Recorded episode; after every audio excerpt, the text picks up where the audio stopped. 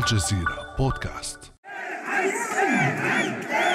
في هذا الشارع وفي هذا المكان لا برد الشتاء ولا حرارة الصيف ولا قيود كورونا ولا ضغوط الأزمة الاقتصادية أطفأت غضب الشارع في تونس طيلة الشهور الماضية. فمنذ الخامس والعشرين من يوليو تموز من العام الماضي تاريخ إعلان الرئيس قيس سعيد عن قراراته الاستثنائية منذ ذلك التاريخ لم يتوقف التونسيون عن المقاومة السلمية بإطلاق مبادرات وتشكيل ائتلافات وجبهات لإنقاذ مكاسب ثورة الياسمين كما يقول نجيب الشابي رئيس جبهة الخلاص الوطني. نحن طلاب إنقاذ لتونس إنقاذها من الأزمة الاجتماعية الحادة والأزمة السياسية واللي هم يغذيوا في بعضهم وما ثم حل كان كلي. من خلال حوار وطني ومن خلال حكومة إنقاذ تتولى إدارة شؤون البلاد في مرحلة انتقالية. ثورة لعب المجتمع المدني دورا حاسما في إنقاذها. عام 2013 من خلال حوار ناجح ما جعله ينال جائزة نوبل للسلام عام 2015 يسعدنا أن نتقدم بجزيل عبارات الشكر والامتنان للجنة نوبل للسلام وللبرلمان النرويجي الذين وضعوا بمنحنا هذه الجائزة التجربة التونسية تحت أنظار كل العالم فما هي خصوصيات المجتمع المدني في تونس مقارنة بباقي بلدان الربيع العربي؟ وكيف تحرك الشارع التونسي لمواجهة قرارات الرئيس قيس سعيد؟ وما هي استراتيجية المجتمع المدني في المرحلة القادمة؟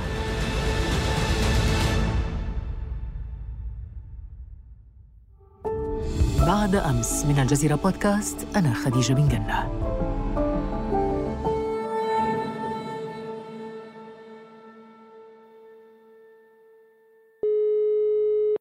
يسعدني أن أستقبل من تونس في هذه الحلقة الدكتور أيمن البوغانمي الباحث في العلوم السياسية بجامعة القيروان. أهلا وسهلا بك دكتور. أهلا وسهلا تحية لك وشكرا على الاستضافة. دكتور أيمن البوغانمي لو بدأنا بشرح تركيبة المجتمع المدني لو تطلعنا عليها ما هي مؤسسات المجتمع المدني في تونس وما مدى قوتها وفعاليتها؟ المجتمع المدني في تونس مركب ومعقد الحقيقة لأنه يتكون أولا من جمعيات محلية تونسية تونسية قريبة من المجتمع يحلو للبعض أن يعبر عنها بالمجتمع الأهلي. يعني قريبة من المجتمع هي موجودة في المدن الصغيرة وفي الأرياف وحتى في المدن الكبيرة وتلعب دورا محليا. ولكن هناك أيضا مستوى ثاني قريب من المستوى الوطني مثلا التنظم النقابي في تونس. عنده بعد وطني وعلى هذا الأساس النقابة الأساسية في تونس وهي الاتحاد العام التونسي للشغل عادة ما تطالب بدور يتجاوز الفعل النقابي المطلبي ويدخل البعد السياسي من كل أبوابه تقريبا.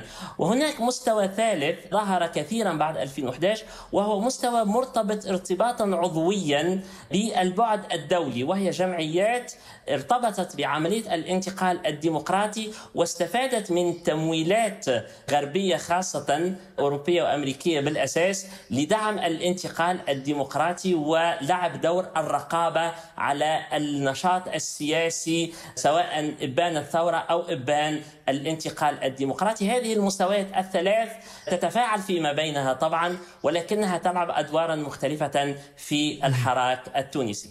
إذا المجتمع المدني منقسم إلى ثلاث مستويات كما شرحت دكتور مستوى محلي ووطني ودولي. هل يدخل حراك الشارع على المستوى ما وصفته في البداية بمجتمع الأهلية؟ هو حراك الشارع عادة ما يتحرك لمطلبيات محلية. يعني نجد في تونس مئات التحركات الاحتجاجية منذ 2011 مئات يعني أحيانا شهريا شهريا تتجاوز التحركات الاحتجاجية بالمئات.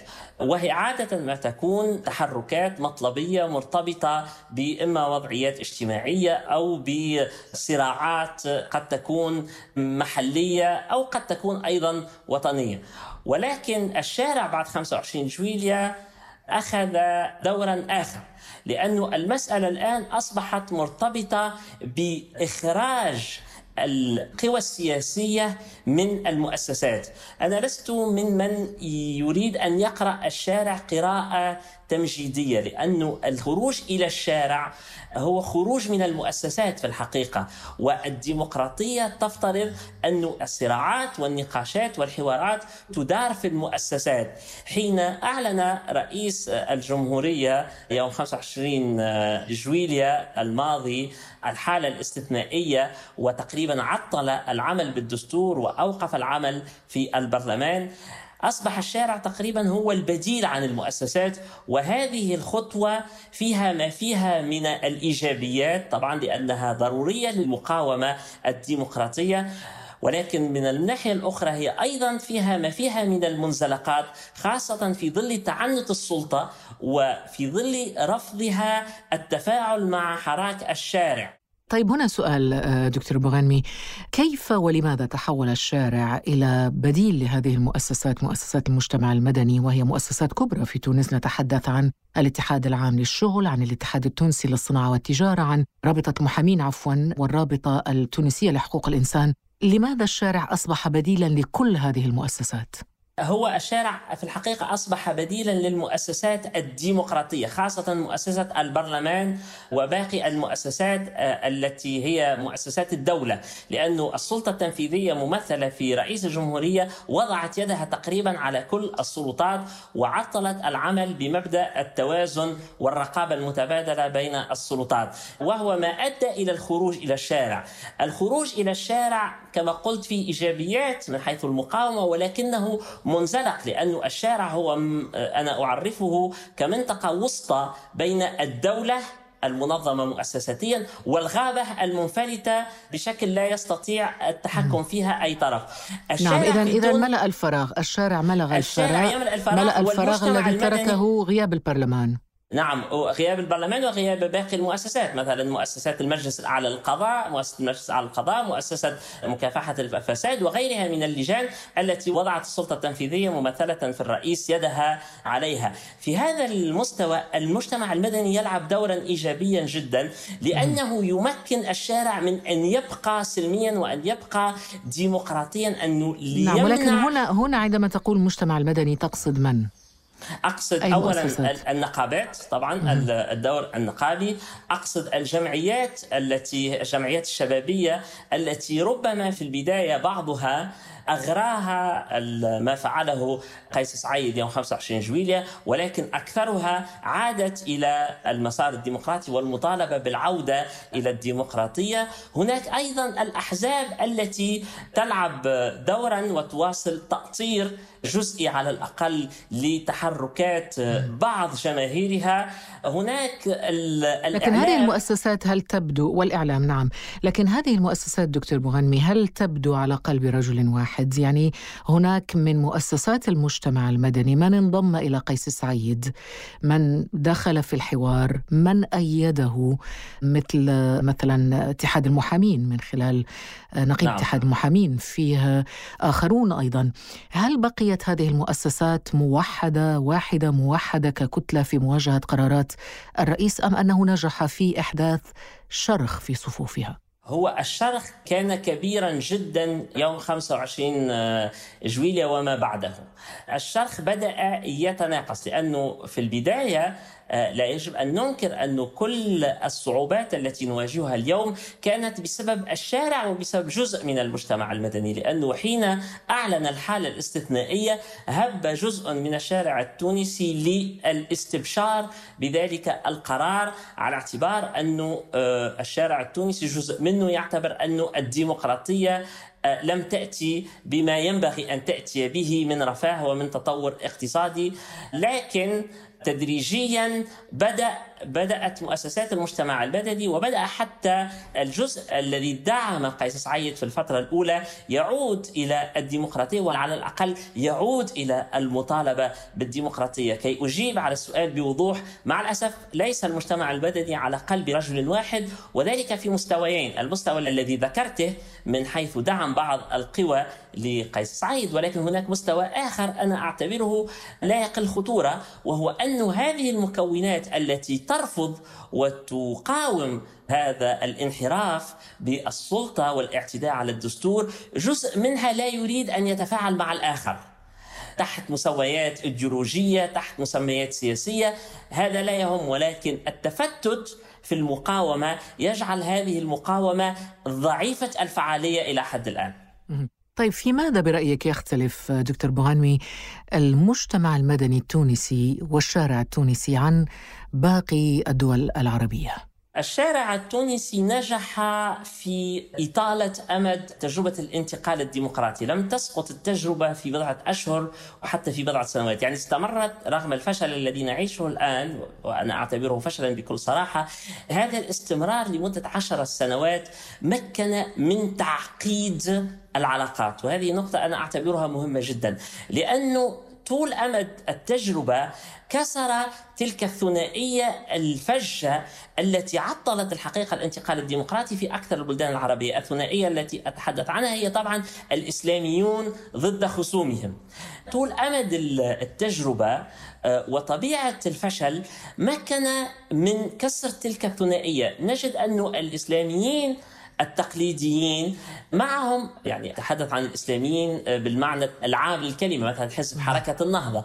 مثلا يجدون إلى جانبهم الكثير من القوى المدنية التي هي في خصومة سياسية معهم ولكن مع هذا تتحالف معهم بمستويات بأقدار قد تزيد أو تنقص ولكنها تتحالف معهم للدفاع عن الديمقراطية. ومن الجهة الأخرى لا نجد كتلة يعني معادية للإسلاميين لأنه حتى الرئيس عنده أنصار من الإسلاميين. فهذا هذا التعقيد جعل يعني يعني قيس سعيد لديه أنصار من الإسلاميين؟ نعم لديه أنصار من الإسلاميين بل هو أحيانا متهم بأنه يكون من الإسلاميين حسب بعض الخصوم فهذا التعقيد وكسر تلك الثنائية الفجة أنا أعتبره مفيدا للتجربة بما أنه قد قرب آه، خصوما على الأقل على قاعدة الديمقراطية وكل من لا يناصر قيس سعيد أو ينفض من حول قيس سعيد يجد أمامه مجالا رحبا هو ليس مضطرا إلى أن يتهم بأنه من أنصار الإخوان أو كذا كما حصل في مصر فيجد مجالا رحبا وهذه ديناميكية إيجابية. طبعا كما قلت مع الأسف لم تقبل القوى الأساسية للحراك ضد قيس سعيد التحالف تحالفا في جبهة صماء إلى حد الآن هذا لم يحصل وما دام لم يحصل الفعالية ستظل ضعيفة. ولكن هذا التحقيد وهذا التركيب وهذا التنوع في هذا الطرف وذاك يمكن من خلق ديناميكية إيجابية قد تأتي طيب هذه الديناميات الإيجابية هل يمكن أن نعتبر من بين هذه الديناميات أو الديناميكيات الإيجابية بروز ائتلافات ومبادرات وجبهات تشكلت طيلة عام لمواجهة قرارات قيس سعيد؟ الأكيد أن الجبهات تشكلت منذ البداية. مثلا العريضة الأولى التي وقعت باسم مواطنون ضد الانقلاب تشكلت وقع نشرها منذ الأيام الأولى بعد الخروج الصارخ عن الدستور يوم 25 جويليا ولكن الإيجابي هو أن هذه الديناميات تتجه نحو التصاعد بشكل أنها تستقطب المزيد والمزيد من الأطراف. الشارع لم يعد حكرا على الخصوم الأول لإجراءات 25 جويليا ولكنه يستقطب المزيد من الأطراف. أعطي مثالا وهو أبرز مثال الآن رغم طابعه المطلبي النقابي الاتحاد العام التونسي للشغل. في بداية العملية يعني بعد 25 جويليا رحب بقرارات 25 جويليا واعتبر نفسه جزءا منها ولكنه, ولكنه راجع موقفه فيما بعد. ولكنه تدريجيا أنا أعتبر أن المراجعة لا تزال جزئية وأنتظر مواقف أوضح خاصة فيما يتعلق دعوة للإضراب كيف تسميها إذا؟ هذه دعوة آه، هي نعلم أنها في جوهرها سياسية ولكن في شعاراتها كانت مطلبية نقابية ونحن نأمل أن النقابة التونسية التي تعودت على أن تطالب بدور سياسي وطني وأن تدافع عن الديمقراطية والدولة المدنية والحكم المتعدد نأمل أنها تمر إلى الخطوة القادمة و ترفض هنا هنا هنا سؤال دكتور بما أنك جبت نعم بما أنك أتيت على سيرة الاتحاد العام للشغل وهو يعني المنظمة النقابية الأقوى في البلاد هل ترى أنها وهي جزء طبعا من مؤسسات المجتمع المدني ربما وقد يكون الجزء الأهم هل تراها مسيسة؟ هل يمكن تسييس المجتمع المدني؟ هي مسيسة حتى النخاع وهي تتحمل جزءا كبيرا من مسؤولية الإرباك الذي وقع بعد 2011 لأنها كانت أولا رفضت أن تتحول أن تنشئ حزبا وأن تتحول إلى قوة سياسية كلاسيكية ربما تدعم حزبا يمثلها وربما حتى يحكم ويضع يده في العجين كما يقال لكي تعلم صعوبات التحديات وتعلم أن صاحب القرار السياسي لا يتحمل بالضرورة مسؤولية الأزمات. لأن الأزمات هناك أزمات خارجية تتجاوز حتى الفاعلين السياسيين. إذا هي رفضت هذا واستخدمت قوة الرفض لديها قوة التعطيل لديها لفرض كثير من السياسات التي حملت أعباؤها الحكومات التي تعاقبت على تونس منذ 2011 إذا هي مسيسة. المشكل أنه التسييس في الديمقراطية غير التسييس خارج الديمقراطية. اليوم نحن في تونس مهددون بالخروج من الديمقراطية وبالتالي أن تطالب النقابة بمطلب سياسي وهو احترام الديمقراطية فهذا من التسييس المستحب المحمود نعم. الإيجابي آه نعم الإيجابي لكن هل يحسب الذي يمكن لها أن هل يحسب تونس. هل يحسب لها قيس سعيد حسابا؟ أنا لا أعلم الحقيقة قيس سعيد لمن يحسب حسابا لا أدري كيف يفكر استراتيجيا لكن هل يعير مؤسسة المجتمع المدني اهتماما أم أنه ماض في طريقه لا يعير اهتماما لأي منها؟ لم نشعر بأنه يعير اهتماما بل شعرنا أنه يريد خلق مجتمع مدني موالي له من خلال ما يسمى الجمعيات الأهلية التي أصدر لها مرسوما لا نفهم فعلا ماذا يريد من خلاله ولكن يبدو أنه ما نسميه نحن بالجمعيات بمؤسسات المجتمع المدني كما تعودنا اصطلاحا منذ 2011 ليس في حسابات أو على الأقل ليس في الحسابات الأولى للرئيس إلى حد الآن. طيب ألا ترى أن الرئيس يعني لم يتعامل حتى الآن مع الشارع التونسي وحراكه ومؤسسات المجتمع المدني بشكل عام خصوصا المعارضة له. لم يتعامل معهم بعنف لم يتعامل معهم بقمع وربما هذا ما ساعد على استمرار الحراك المناهض لقرارات سعيد. ما يميز تونس قلت في البداية أن شارعها مؤطر نسبيا بشكل يجعله دائما ما يبقى في الحراك السلمي السياسي المدني الذي لا فقط ينبذ العنف ولكنه يستهجنه حتى استيقيا ولكن في المقابل أيضا مؤسسات الدولة هي مؤطرة مدنيا بحيث أنها منذ 2011 وحتى قبل 2011 كان استخدامها العنف ما يسمى تجاوزا بالعنف الشرعي. كان دائما ما يكون نسبي دائما ما يكون محدود وخاصة خاصة حين تحصل انفلاتات هناك استهجان من كل الأطراف فهناك نوع أكاد أقول هناك دستور صامت في تونس دستور بالمعنى الهيجلي للكلمة أي أنه دستور توارثناه دون أن نشعر يعني دستور بالمعنى التقليدي للكلمة وهو أنه استخدام العنف لا يحق لا للشارع ولا لمؤسسات الدولة أو على الأقل هو مؤطر نعم هو هو لا يحق شديد. نعم للطرفين استخدام العنف. لكن ألا تعتقد دكتور أيمن بوهانمي أن الشارع التونسي استنفذ الآن كل أدوات المقاومة السلمية ضد قرارات سعيد. لا أعتقد ذلك. هناك وسائل للمقاومة السلمية ما زالت متوفرة. هناك. لا يجب أن ننكر أمرا أن رئيس الجمهورية بخطابه الشعبوي استطاع أن يستقطب جزءا كبيرا من الجماهير التونسية وهو ما جعل الشارع يكون في البداية حكرا على النخب الفاعلة. لم تشارك جحافل ربما المهمشين والمفقرين واعتبرت أن النخب التي تم إقصاؤها هي خصوم لا حلفاء. واعتبرت أن قيس سعيد هو ربما يكون وسيلتها لضرب تلك النخب. هذا الخطاب الشعبوي غير الديمقراطي كان له فعلا من الشعبية الأمر الكبير. ولكن نلاحظ نحن نعيش في المجتمع التونسي نلاحظ تراجعا كبيرا لهذا المد. تراجع لم يبلغ ذروته بحيث تنضم تلك الجماهير للنخب التي تدافع عن الديمقراطية، أنا أعتبر أن انضمام الجماهير لم يصل زخمه إلى حد الآن، ولكن نلاحظ بداية تقارب بين النخب التي تدافع عن الديمقراطية وجزء كبير من الجماهير التي ربما استبشرت في اللحظة الأولى بشعبوية قيس سعيد آه، أو على الأقل تلك الجماهير التي كانت مواقفها سالبة ولم تشارك في الحراك الأول.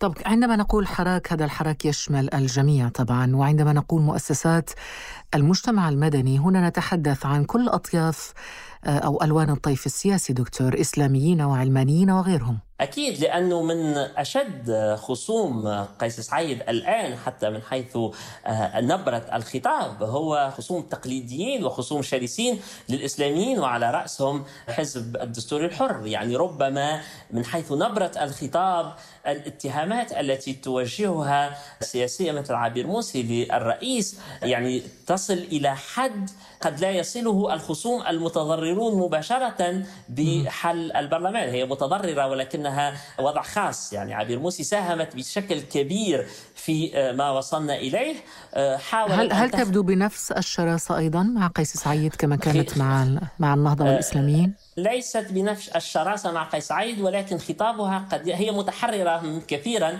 في اتهاماتها لا تعبأ بقيود اللباقة السياسية المتعارف عليها وهو ما يمكنها حتى وهي أقل شراسة مع قيس سعيد منها ما كانت مع النهضة. رغم ذلك فهي تبقى أكثر شراسة من الكثير من من ينقد قيس سعيد سياسيا. طيب لو تحدثنا قليلا عن المستقبل في ختام هذه الحلقة لنستشرف المرحلة المقبلة. أنت كيف تراها دكتور أيمن بوغانمي؟ كيف ترى مستقبل تونس ومستقبل مؤسسات المجتمع المدني؟ النقابات الجمعيات الأحزاب الإعلام. هناك نص الدستور الذي يرغب الرئيس في نشره لا نعلم محتواه. هو دستور كتب في السر. وهذا الدستور الذي كتب في السر في الحقيقة يلقى على الأقل من حيث طبيعة الإجراء يلقى رفضا واسعا لدى الكثير من قوى المجتمع المدني حتى تلك التي ساندت قيس سعيد في الفترة الأولى. بعد نشر نص الدستور ربما خاصة إذا ثبت توقعنا أن هذا الدستور لن يكون ديمقراطيا ولن يحافظ على الحريات ولن يحافظ على التوازن بين السلط ربما هذا أمل يحدوني تكون المقاومة بالحجم المطلوب بحيث ما, ما آه، شكل هذه المقاومة دكتور؟ يعني إذا كان الرئيس سيكتب الدستور بنفسه إذا كان الرئيس ألغى الدولة وألغى مؤسساتها ومجالسها وهيئاتها وكل شيء يعني المجتمع المدني بمؤسساته والشعب وحرك الشارع ماذا يمكن أن يفعل؟ ما طبيعة الحراك المتوقع؟ ربما رفع وتيرة المظاهرات آه، الشعبية، ربما رفع وتيرة الإضرابات والإضراب العام وربما في اسوء الأحوال في غياب التفاعل، ربما الوصول إلى حد العصيان المدني قبل الاستفتاء مع طبعا إذا هذا لم يحصل ضرورة إما المقاطعة الجماعية بحيث هذا موقف المقاطعة يمكن الحراك الرافض لهذه التغييرات الدستورية. خارج أطر القانون وخارج أطر الدستور يمكنها من المقاومة بعد 25 جويليا أو الاتفاق على التصويت الجماعي بلا بحيث إذا توفرت طبعا الحدود الدنيا للحفاظ على شفافية العملية ربما الاتفاق إما على المقاطعة الجماعية أو على التصويت الجماعي بلا. أنا لست من أنصار هذا ولا ذاك. أنا من أنصار أن نختار هذا أو ذاك. يعني نعم. بمعنى أنه لو انقسم الشارع بين مقاطعين من ناحية وناس تصوت بلا من ناحية أخرى سنخسر المعركة من وجهتين. ولكن لو وقع الاتفاق مدنيا وحزبيا على موقف واحد خاصة المقاطعة أو التصويت بلا ربما يكون ثمة أمل لإيقاف هذا المد. شكرا جزيلا لك دكتور أيمن البغانمي الباحث في العلوم السياسية بجامعة القيروان. شكرا جزيلا لك. شكرا. كان هذا بعد أمس.